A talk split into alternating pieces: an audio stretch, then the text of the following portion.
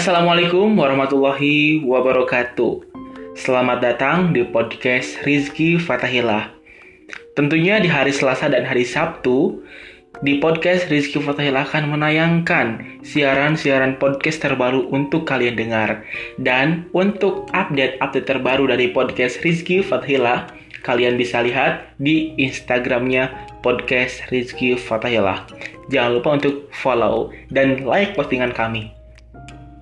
Nah, di hari Sabtu kali ini, saya akan bercerita tentang pengalaman saya di saat umur 14 tahun yang lalu, di mana pada saat itu saya sedang berjalan-jalan malam di tengah kegelapan. Bagaimana cerita selanjutnya? Yuk dengarkan. Jangan lupa kalian ikuti terus dan juga selalu mengingatkan kepada teman-teman kalian untuk mendengarkan podcast-podcast Rizky Fatahillah. Bersama saya Muhammad Rizky Fatahillah. Ini dia podcast Rizky Fatahillah. Ya, jadi cerita kali ini bertemakan dengan tentang pelukan misterius. Di mana pada waktu itu saya masih berumur 14 tahun, tepatnya duduk di bangku SMP kelas 1. Ya, pada saat itu rumah saya jauh dari jalan. Berada di tengah pemukiman yang jarang-jarang penduduk. Di belakang rumah saya ada sungai, di sebelah barat kurang lebih 100 meter terdapat sebuah pemakanan umum dan tidak jauh dari situ pula terdapat hutan jati pada situ. Nah, saya pada saat itu malam-malam tidak tahu pukul berapanya ingin berjalan-jalan keluar untuk mencari udara segar sesambil mencari apa ya hiburan kan kalau anak muda pada saat itu mah kalau dalam rumah itu suntuk ya. Pada saat itu saya berjalan keluar untuk mencari makanan. Nah tidak selang lama sebelum sayap itu berinjak kaki di sebuah jalan raya besar yang ramai lalu lalang sepeda motor, mobil, dan sebagainya, saya terlebih dahulu melewati hutan. Hutannya itu bukan hutan jati, karena hutan jati itu ada di sebelah barat, eh, sebelah utara, berarti pemakaman umum. Sedangkan inilah hutan biasa, ya selayaknya jalan setapak, tapi di pinggir-pinggir itu ada hutan, pepohonan rindang. Nah, suatu ketika pada saat itu entah tidak tahu kenapa udara sangat berbeda. Udara sangat berbeda, tiba-tiba dingin. Yang tadinya panas pada saat itu. Panas sekali.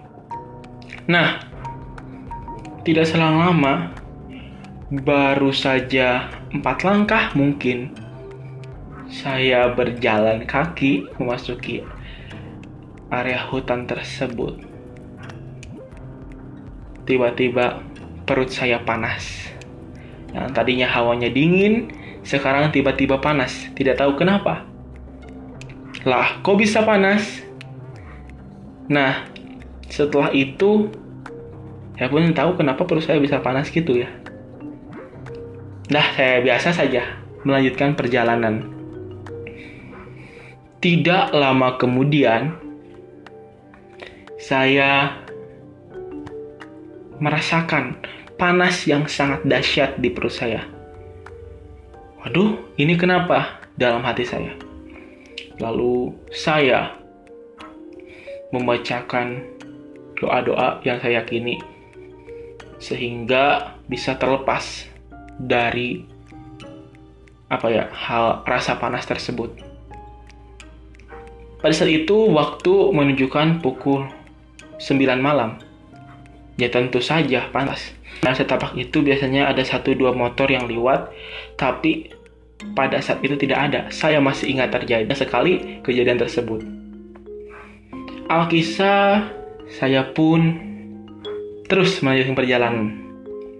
Tidak ada rasa curiga apa pun pada saat itu.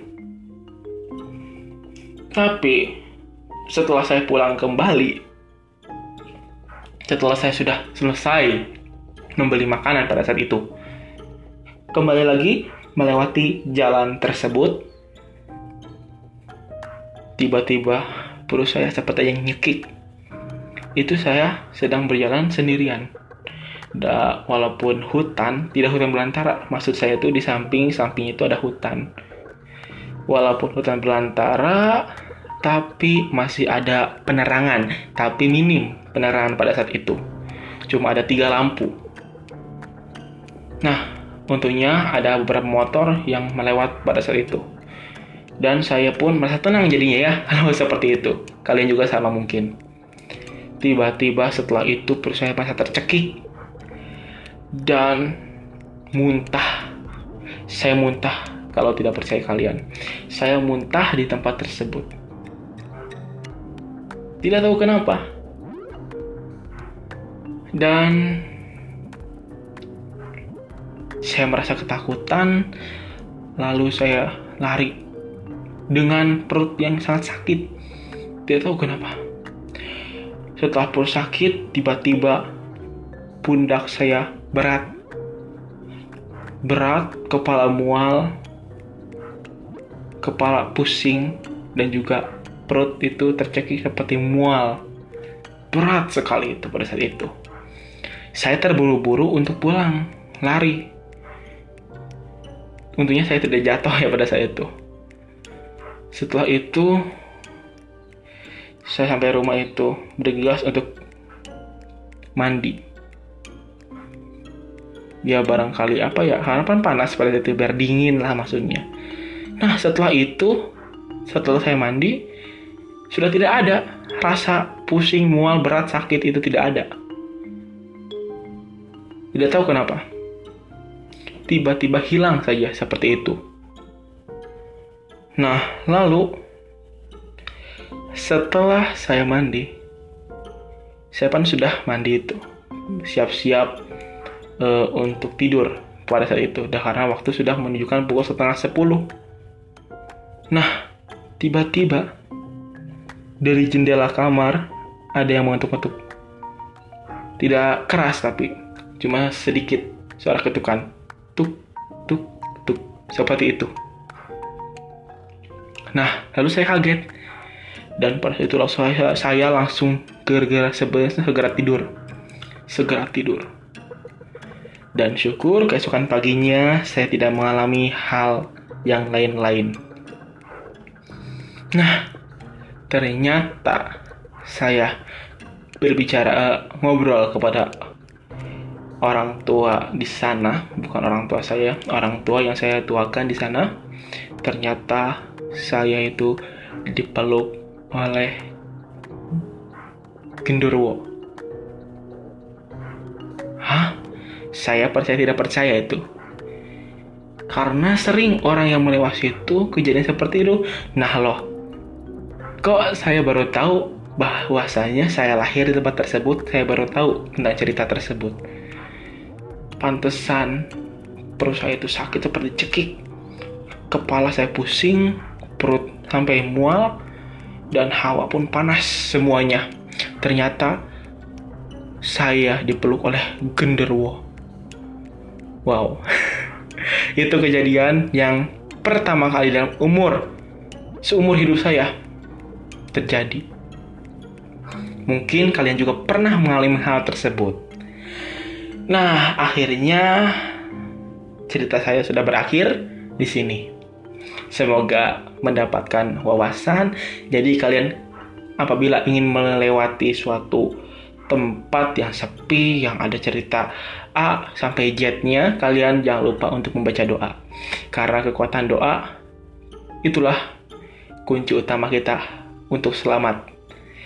Jangan lupa follow akun Instagram podcast Rizky Fatahillah untuk update terbaru dari podcast Rizky Fatahillah. Oke, sekian dari saya. Semoga bermanfaat kali ini.